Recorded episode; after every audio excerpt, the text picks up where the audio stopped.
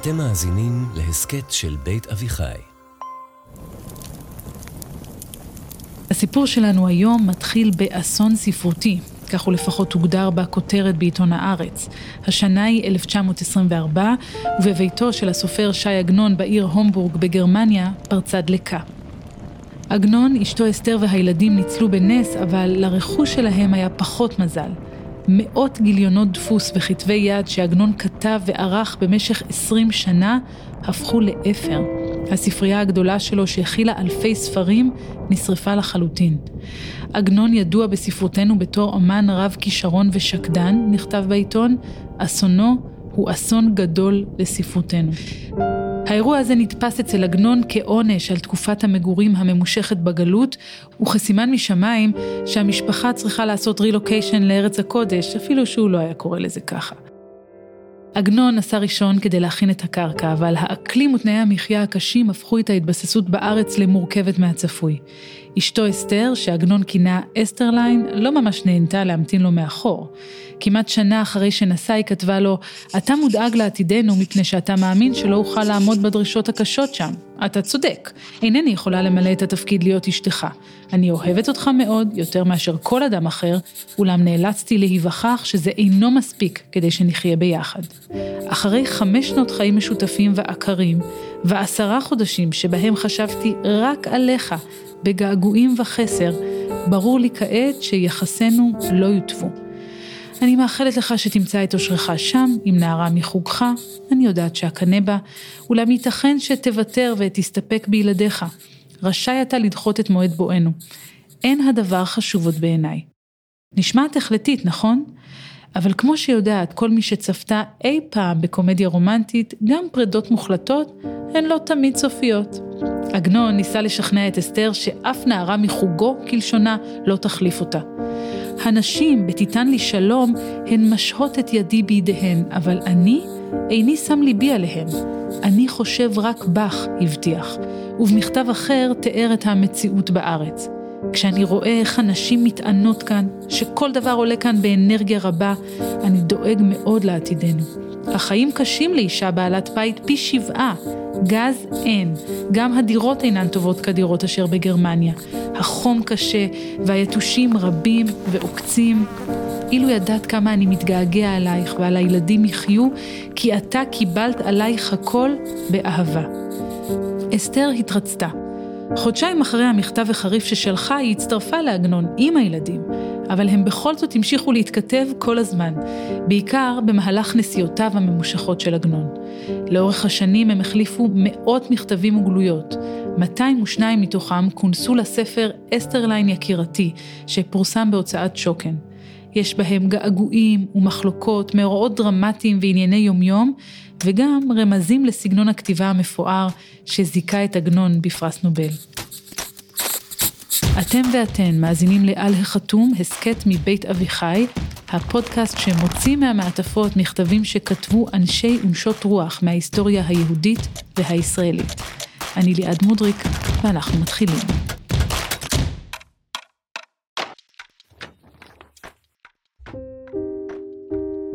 שי עגנון נולד בגליציה המזרחית, חבל ארץ ששייך היום לאוקראינה. אז בכלל קראו לו שמואל יוסף הלוי צ'אצ'קס, ואת העגנון הוא הוסיף כשפרסם את סיפורו הראשון, עגונות. הוא עלה לארץ לראשונה בגיל 21, עם החלוצים מהעלייה השנייה, אבל כשהיה בן 25 חזר לגרמניה. שם הוא הכיר את שלמה זלמן שוקן, המוציא לאור המיתולוגי שלו, וגם את אסתר מרקס, מי שלימים תהפוך כאמור לאסתרליין. אסתר הייתה בתו של גאורג מרקס, בנקאי עשיר שלא אהב בהתחלה את הרעיון שבתו תתחתן דווקא עם סופר.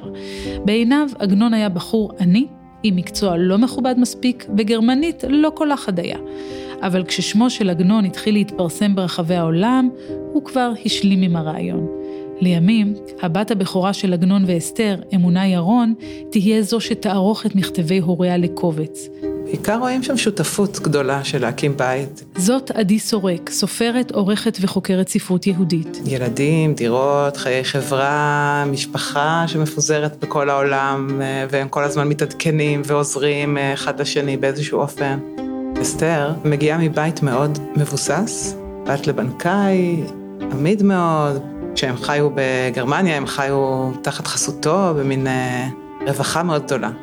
והוא מגיע בעצם מגליציה, מבוצ'ס, שמקום עני, יש שם כמה מכתבים מהביקור האחרון שלו בעיר שלו לפני שהיא נחרבה. בשואה שהוא מתאר איך הם אה, מאות אנשים אה, נוגעים בו, כי הם מבינים שהוא ישמר את אה, זכר העיירה הזו, השכוחה אי שם בגליציה. אז הוא מגיע ממקום מזרח אירופי לא מאוד מדושן כלכלית, וגם בישראל בעצם צפוי להם כל הזמן שאלות כלכליות. הוא כל הזמן עוסק בכמה עולה התפוח, וכמה עולה החדר, וכמה יעלה זה, וכמה יעלה ההוא. ורואים את זה בכתיבה שלו, זה משהו שהוא תמיד שם לב אליו, לחומריות. זהו, איזה אנשים הם, לפי המכתבים? מה הדמות שנפרסת בפנייך? טוב, קודם כל, אה, עם עגנון מאוד נחמד לגלות שהוא מאוד אהב טבע.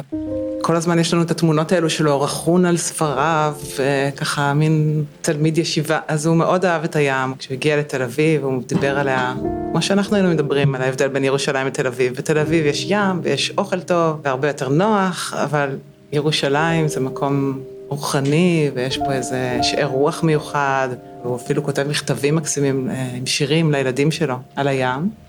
הוא למשל נוסע לים המלח בארבע בבוקר אה, עם אה, מדענים, חוקרי טבע, טובל שם במים, אה, והוא אומר שכולם יצאו עם פגעים פיזיים, והוא היחיד שרק נהנה. בבת גלים, בבית של אחות של אסתר, הוא הורג שני עקרבים. כן, זה מין עגנון קצת אחר מזה שאנחנו מכירים בדרך כלל. אינדיאנה ג'ונס. מין אינדיאנה ג'ונס כזה. וכשקוראים במכתבים האלה, מגלים שלא תמיד היה קל להתכתב עם אחד מגדולי הסופרים העבריים. העירך כי מכתבך האחרון הוא מלא שגיאות, הן בסגנון והן באורטוגרפיה, עד כי קשה היה עליי להבין, נזף עגנון באשתו במכתב ששלח לה מירושלים ב-1925. אורטוגרפיה אגב מתייחסת לחוקי הכתיב והפיסוק. אסתרליין, אני מכיר כי בפזיזות כתבת את המכתב. האומנם אין לך פנאי בשביל אישך היושב במרחקים וממתין כל השבוע למכתב ממך כי תכתבי עליו במנוחה ובפרוטרוט? אל נא תכעסי, אסתרליין. מאוחר יותר אנחנו מוצאים באחד ממכתביה התנצלות. סלח נא לי על צורת הכתיבה הלא נכונה. נקווה שבפעם הבאה אכתוב יותר טוב. אבל לצד הנזיפות, עגנון לא ויתר על הרומנטיקה. אסתרליין, כתבי לי קצת דברים מן הלב, דברים אינטימיים, הוא ביקש. כתבי לי על הכל. את מבינה? שלושה סימני קריאה. אני שוכח על הרוב כי איש אני, כי גבר אני, אבל יש ימים ולילות שהייתי יכול לרוץ ברגל אלייך. עוד ארבעה סימני קריאה. כנראה שהמכתב הבא נכתב באחד מהימים או הלילות האלה. שימו לב, לא נתקע לכם הפודקאסט, אלו הדברים של עגנון, מילה במילה. כתבי לי קצת מפטפוטי הילדים ושלחי לי את תמונתך. אם לא תשלחי לי את תמונתך, אמלא את המכתבים הבאים אלייך רק בתיבות הללו, כך.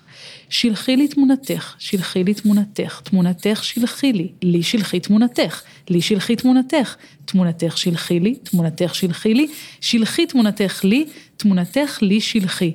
כך, יפה? ללא ספק זאת עדות מיד ראשונה, וגם כואבת, אם יותר לי לומר, על חשיבותן של תמונות ואולי גם על מורכבות החיים בלי אינסטגרם. כך או אחרת, נראה שאת מרבית חייה אסתר הקדישה לשני דברים. הראשון, העתקה של כתבי היד של בעלה, שאותם הקלידה במכונת כתיבה. מתברר שזו הייתה עבודה סיזיפית שדרשה פענוח מדוקדק של כתב היד הבלתי אפשרי של עגנון. והשני, ניהול משק הבית וגידול הילדים. אבל היו לה גם חלומות משלה, היא רצתה ללמוד ולעבוד מחוץ לבית, וזה כבר הפך למחלוקת של ממש בינה לבין עגנון, שרצה אותה קרוב אליו. זה מה שהוא כתב לה, בתגובה לרצונה לעבוד כמורה להתעמלות. את דורשת לשמוע את דעתי, ולא דיזה פרינציפיילה אבלנונג, שזה בגרמנית במבטא גרוע, אותה דחייה עקרונית לכל הצעותייך. מה אומר לך ידידתי? עדיין לא נראה לי הדבר. אני מקווה שמצבנו בקרוב יהיה כך שאת לא תצטרכי לעבוד לשם פרנסה. קשה לי הדבר שתלכי למקום זר, רחוק מבית אבא או רחוק מבעלך. אני אשמח על כל דבר שתלמדי כדי לשעשע את נפשך, אבל לא אשמח על דברים שאת רוצה ללמוד לשם פרנסה. עלייך לדעת שכאן בארץ ישראל יש קופצים על כל משרה, יותר מפרעושים במיטה וחרית, וכל בעלי המשרה טרודים כל ימיהם בישיבות. ואני הן צריך לאישה יפה ולבעלת בית טובה, והילדים צריכים לאם טובה ולבית. אני איש מן הדור הישן. אני איני מחזיק בדעה זו שהנשים צריכות להרוויח, די להן שהבעל מרוויח. הניחי המשרות להבחורות הזקנות, המהלכות רחמנא ליצלן רעבות, ואינן משיגות עבודה. אסתר קראה, אבל לא השתכנעה. בצדק, גם אני לא הייתי משתכנעת. לקראת סוף הקובץ אסתרליין יקירתי מופיע מכתב שבו הודיע לבעלה, קיבלתי על עצמי עבודה במוזיאון הארכיאולוגי, כלומר הסכמתי לקבל אותה, אהיה עצובה אם זה לא ימצא חן בעיניך. בבקשה סמך על המרץ של אשתך. את המילה האחרונה אשתך, אסתר הדגישה. סחטיין עליה. ניכר שהיא לא טוב לה כל כך להיות uh, רק אימא. וזאת שוב עדי סורק. הכביסה מדכאת אותה, הביתיות מדכדכת אותה, ויש שם משהו קצת, אני קוראת לזה ערער את הבית, כן? מאוד בודד. יש שם משהו עצוב בסיטואציה איתה, כי היא רוצה לעבוד, היא רוצה ללמוד משהו כדי שהיא תוכל לעזור בפרנסה כשהם שניהם יהיו פה ביחד בישראל או בירושלים. ועגנון לא מרשה לה, כלומר הוא שוב ושוב חוזר על זה שהוא שמרן, הוא תוהה למה אין לה מספיק סיפוק מהילדים והמשפחה. הוא רוצה שהיא גם תגיע ותעתיק את אה, דבריו ותתקן את הגרביים, וכמובן תלמד בשביל השעשוע, אבל לא, לא בשביל אה, משהו שאפשר לקרוא לו נגיד ציבורי, כמו שאנחנו תופסים את זה היום. כשאת קוראת את זה היום כאישה ב-2022, אז איך זה גורם לך להרגיש? אז קודם כל זה מעניין לראות שהוא עצמו מבין שהוא שמרן. יש נשים אחרות, גם היא יודעת את זה. הם היו בברלין, בין מלחמות עולם, כן? מקום אה, מאוד פרוגרסיבי. אבל אה, זה קשה לי במובן הזה שאני יודעת שהספרות שלו עושה מהלך אה, אחר, מורכב יותר ביחס לזה. ועצוב לי לראות את המבע המאוד קונקרטי של האדם מול בת הזוג שלו. תסבירי קצת על המהלך הזה ועל ההבדל. ממש מיצירת הביקורים שלו ועד אחת היצירות המאוחרות שלו, אדום וכיסא, רואים שהשאלה הזו של יצירת נשים מאוד מעסיקה אותו. היא מעסיקה אותו גם ברמה היסטורית, גם תיאולוגית אפשר להגיד, היחס בין הנקבי והזכרי, ברגע שהוא, כמו שעגנון עושה, הוא מגלגל מדרשים, כן, לתוך הספרות המודרנית. זאת שאלה שמעסיקה את המדרש, במיוחד בספרות הזוהר. היחס בין הנקבי והזכרי, אז זה מובן לו גם בשאלה הזו של היצירה בספרות הגבוהות שלה. וגם הוא מבין טוב מאוד שהמסורת היהודית שהוא כל כך משוקע בה, והספרות העברית המודרנית, שהיא מאוד מאוד חשובה לו, היא לא תהיה חיה, היא לא תהיה מספיק עשירה, אם היא לא תצליח להכיל, להכניס, להתפתח דרך המהלכים ההיסטוריים של העובדה שנשים התחילו לכתוב. אז הוא מאוד עסוק בזה. אבל באמת בתחילת דרכו הדמויות של הנשים מתות, או מסיימות את uh, תפקידן uh, ואת קיומן בצורה טרגית. וביצירה המאוחרת הזו, אדום וכיסא, יש שם בת שהיא בעצם ממשיכה, והוא ממש באופן מאוד מרגש מוסר לה משהו.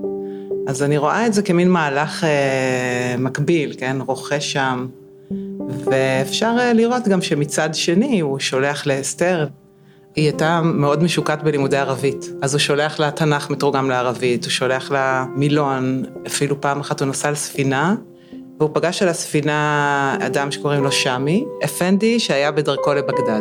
בעודו כותב לאסתר על אה, נייר, הוא נתן לו את ה... לכתוב על הצד השני של הנייר, אה, מכתב לאסתר. עכשיו, הוא לא ידע מה כתוב שם. כתוב בערבית. הוא שמח על האפנדי הזה שהוא יכתוב משהו מספיק אה, מעניין ומשמח, ואמר לאסתר שהיא בטח מאוד מאוד תשמח לקרוא את המכתב הזה. היום כשהולכים לבית עגנון, אז רואים את הספרייה הגדולה שלו, ספריית המדרשים, סידורי תפילה, יש לו שם אוסף מדהים של אה, ספרות יהודית, אבל הייתה להם גם ספרייה מקבילה של ספרות ערבית, כי זה מה שהיא למדה. מצעירותה וממש עד מותה, היא קראה עיתונים והייתה שם ספרייה, שלאחר מותו של עגנון היא עברה לנכדה שלהם, שמלמדת ערבית, ועכשיו לאט לאט אה, הדברים, הפריטים חוזרים.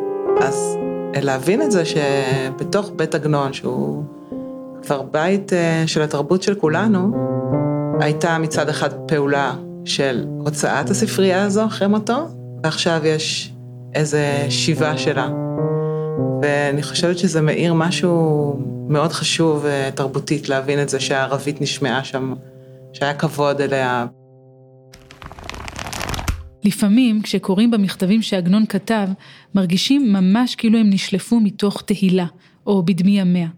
כך למשל הוא כתב לאסתר בשנת 1925, ולפנות ערב באה עליי מנוחה נעימה, והרגשתי בכף יד ימיני את אותו הרטט שאני רגיל קודם שאני כותב איזה סיפור, ועליתי לחדרי הקר מאוד, ועמדתי אצל החלון, צפיתי ברקיע, עד שראיתי כוכבים יוצאים מן העבים, ותכף הדלקתי את המנורה וישבתי לכתוב. מה בין דמות עגנון ככותב מכתבים לדמות עגנון כסופר? אולי הדבר הכי בולט זה שהוא משתמש פתאום בכמה סימני שאלה או בכמה סימני קריאה, זה דבר שאי אפשר לפגוש ביצירות שלו, הוא אפילו בחר שלא לפסק, הייתה לו איזושהי הכרעה שהוא בסיפורים שלו לא יפסק וישתמש כמה שפחות בסימני נקודותיים, דברים מהסוג הזה, אז פתאום לראות את ההתפרצויות האלו של הסימני קריאה, את מבינה ש... הוא פה מדבר, הוא פה אומר, בואי כבר, אני כבר משתוקק אלייך, אני לא יכול יותר. הוא שואל אותה, למה את לא שלחת לי תמונה? עם שלושה סימני שאלה. בתוך המכתבים יש מצבים של עירוב בין העגנונית הגבוהה, המשנאית, המיוחדת כל כך שאנחנו מכירים, עם אה, אמירות מאוד עכשוויות או אגביות כאלו, כמו, אם יש את נפשך לעשות לי טובה, או שתיקתך הורגת אותי. או עלייך לדעת כי ביום ביאת הפוסטה, אה, פוסטה זה דואר, אני כמשוגע מכיליון עיניים. אפשר לחשוב על המכתבים כאל סוגה, כלומר על סוג ספרותי, שגם אם לא נחשב באותו רגע כסיפור, ויש איזושהי מודעות לעובדה שזה יבוא יום אחד אה, לפרסום. וכשמגלים פה את הפנים האלו של עגנון, בין היומיומי והעכשווי לבין חיי המדף, חיי הנצח של הספרות, אלו רגעים מאוד מיוחדים. המכתבים האלה נכתבו בשנים דרמטיות מבחינת עגנון ואסתר, שנים של נדודים ושל ערעור הבית. זה התחיל עם הבית ההוא בהומבורג שעלה באש, והמשיך עם דירתם הירושלמית ברחוב שמאי, שב-1927 ניזוקה ברעידת אדמה גדולה שטבעה את חייהם של 300 בני אדם. גם אחר כך, כשהמשפחה עברה דירה לתלפיות, הנאחס הזה נמשך, כשהדירה נשדדה במהלך פרעות תרפ"ט. רק ב-1931 הם נכנסו לבית הקבע המפורסם בתלפיות. גם שאלת הדיור, המעברים התכופים מבית לבית, אנחנו מכירים את זה היסטורית, כן, על עגנון, אבל זה נכנס לתוך היצירה שלו בצורה מאוד חזקה. בנובלה עד הנה, שהוא ממש מחפש דירה, או יש לו מין סיפור שנקרא מדירה לדירה, אורח נטל אלון. שאלת המעברי דירות היא מאוד נוכחת אצלו ביצירה, ובספרות זה הרבה פעמים נקשר לשאלות של מעברי דירה בהיסטוריה היהודית וגם בהיסטוריה האירופית. שאלות של חורבן, מלחמות, זה מאוד מאוד מעניין מה שהוא עושה עם זה בהקשרים האלו. ופה אנחנו רואים ממש את הקונקרטיזציה, כן? הוא מגיע לאיזשהו חדר וכן או לא, יש שם אור, או כן או לא, אה, זה במחיר שהוא יכול לעמוד בו, וזה מאוד מעניין לראות את זה אחר כך, איך היומיום נכנס אצלו לתוך היצירה. נוכח פרעות תרפ"ט. עברו אסתר והילדים לחיפה, וזה מה שכתב לעגנון שנשאר בירושלים. ובכן, אסתרליין, אנחנו צריכים להתחיל הכל מחדש. הבית שודד, הכלים נשדדו, ומה שלא לקחו השודדים, שיברו. מן הבגדים לא נשאר כלום, רק מה שהיה בחדר האמבטיה. מכל כלי הכסף לא נשאר כלום. הכל הכל לקחו הרוצחים הערביים, אבל השם יעזור ואנחנו נחדש את ימינו. אל תדאבי ואל תשימי ליבך לכך. בזמן כזה אדם צריך לשמוח שנשאר בחיים בריא, בלא פצעים ומומים. כמעט שאין לי מה להודיעך עוד, כאילו חפצתי לכתוב כל מה שעבר עלינו שני ימים, הייתי צריך לכתוב שתי שנים. אבל בין האסונות לפרעות, אפשר למצוא במכתבים הללו גם לא מעט עניינים יומיומיים.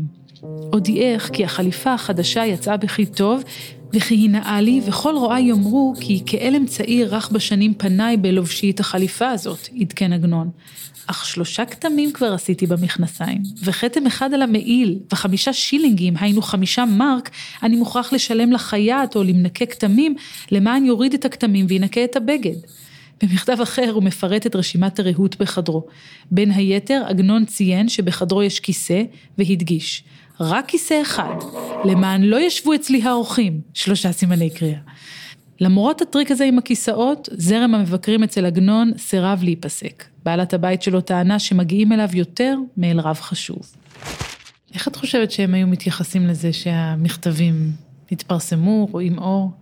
אם הם היו יודעים שהמכתבים מתפרסמים, או אם הם ידעו, העלו בדעתם או לא, אני חושבת שזו שאלה שצריך לענות עליה ב... הם ידעו, ובאותה מידה הם לא ידעו. כלומר, אי אפשר להתכתב מתוך הנחה שכל מילה תהפוך להיות חלק מאיזה... קנון. קנון, כן? ושחוקרים יתחילו לקרוא, אנחנו נשוחח על זה ברדיו או בפודקאסט, כן? צריך לשכוח את זה כדי להתעדכן במצב השיניים שלו, מצב השיניים שלה, כן עשו לו טיפול טוב, לא עשו לו טיפול טוב. חייבים לשכוח את זה, אחרת אפשר לכתוב מילה. אבל אין ספק שכשאנשים כותבים, הם גם לאט לאט, כמו שהוא קורא לזה, נעשיתי לאיש, כן? ככל שהוא מבין את עצמו כסופר, והסביבה מבינה אותו, הכתיבה מובנת כדבר שהוא, יש לו משמעות היסטורית, וגם החומרים האלו, החומרים יומניים, כן? פתקים, אולי יומן, מכתב, הם הופכים להיות בעצמם סוג של חומר גלם. בכתיבה יותר בשלה. אז אני חושבת שהמודעות הזו נמצאת בדיוק באותה מידה שהיא גם נשכחת כל הזמן כדי להיווצר. יש שם אפילו קטע שהוא מספר על ספר של מכתבי נפוליאון, שהם רוצים לתת אותו לאיזו ידידה. אז ברור שיודעים שיש אנשים שפורסמו מכתביהם, ומקום אחר שהוא אומר, אה, שהוא במקום להגיד לה משהו כתבתי במכתב, הוא אומר אה, כתבתי בספר. המודעות הזו איפשהו נוכחת, אבל גם, שוב, נמחקת. ביולי 1969, שי עגנון לקה בשבץ מוחי שהותיר אותו משותק ופגע בכושר הדיבור שלו. הוא אושפז במרכז הרפואי הרצפלד בגדרה, שבו אושפזה גם אסתר, היא חלתה אז בדמנציה. אחרי שנה, עגנון הלך לעולמו ונטמן בבית הקברות בהר הזיתים. אסתר חייתה עוד שלוש שנים לאחר מכן ונפטרה בגיל 83. בשנת מותו של עגנון, העיתון למרחב סיפר על הרגעים האחרונים של בני הזוג. אסתר עגנון, אלמנתו בת ה-72 של שי עגנון, ישבה אתמול בחדר 213 בבית החולים בגדרה, כשהיא מבכה את מות בעלה, דבר שהגיע להכרתה לראשונה רק עתה, כמעט שבועיים לאחר פטירתו, בגלל מצב בריאותה הרופף הגורם לה לערפול ההכרה. נכתב בעיתון. במשך מחצית השנה האחרונה הוחמר מצבו הבריאותי של עגנון המנוח וגם של אלמנתו. על אף שאושפזו באותו בית חולים ושי עגנון המנוח ביקר אצל רעייתו תכופות בחדרה, היא לא הכירה אותו אלא פעם אחת בלבד, וההתגלות הזאת באה לה ביום האחרון לחייו של שי עגנון. באותו יום, עגנון קיבל תנופת התעוררות פתאומית, העיר כולו, ביקש שיוציאוהו מחדרו ויציבוהו כשפניו אל הנוף הפתוח. בהשקיפו אל האופק ירושלים שבמרחק, הביע שמחה רבה, וחזר על המילים יפה, יפה מאוד.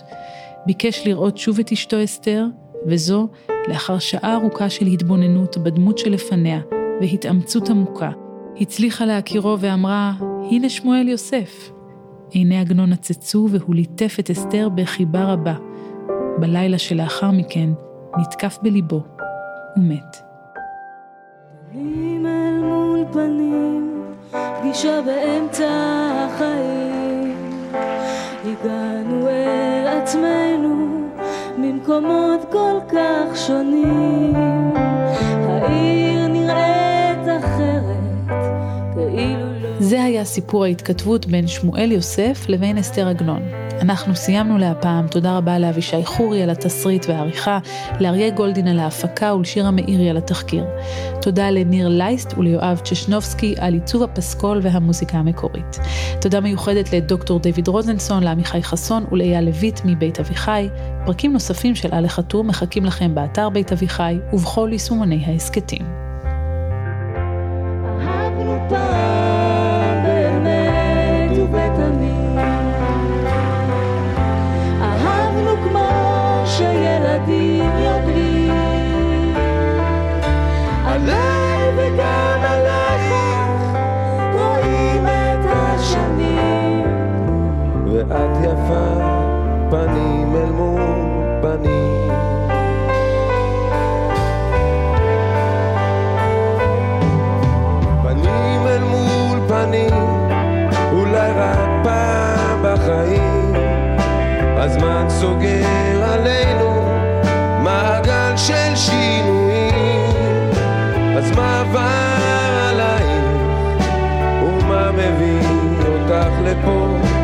הלילה את נשארת. חיכיתי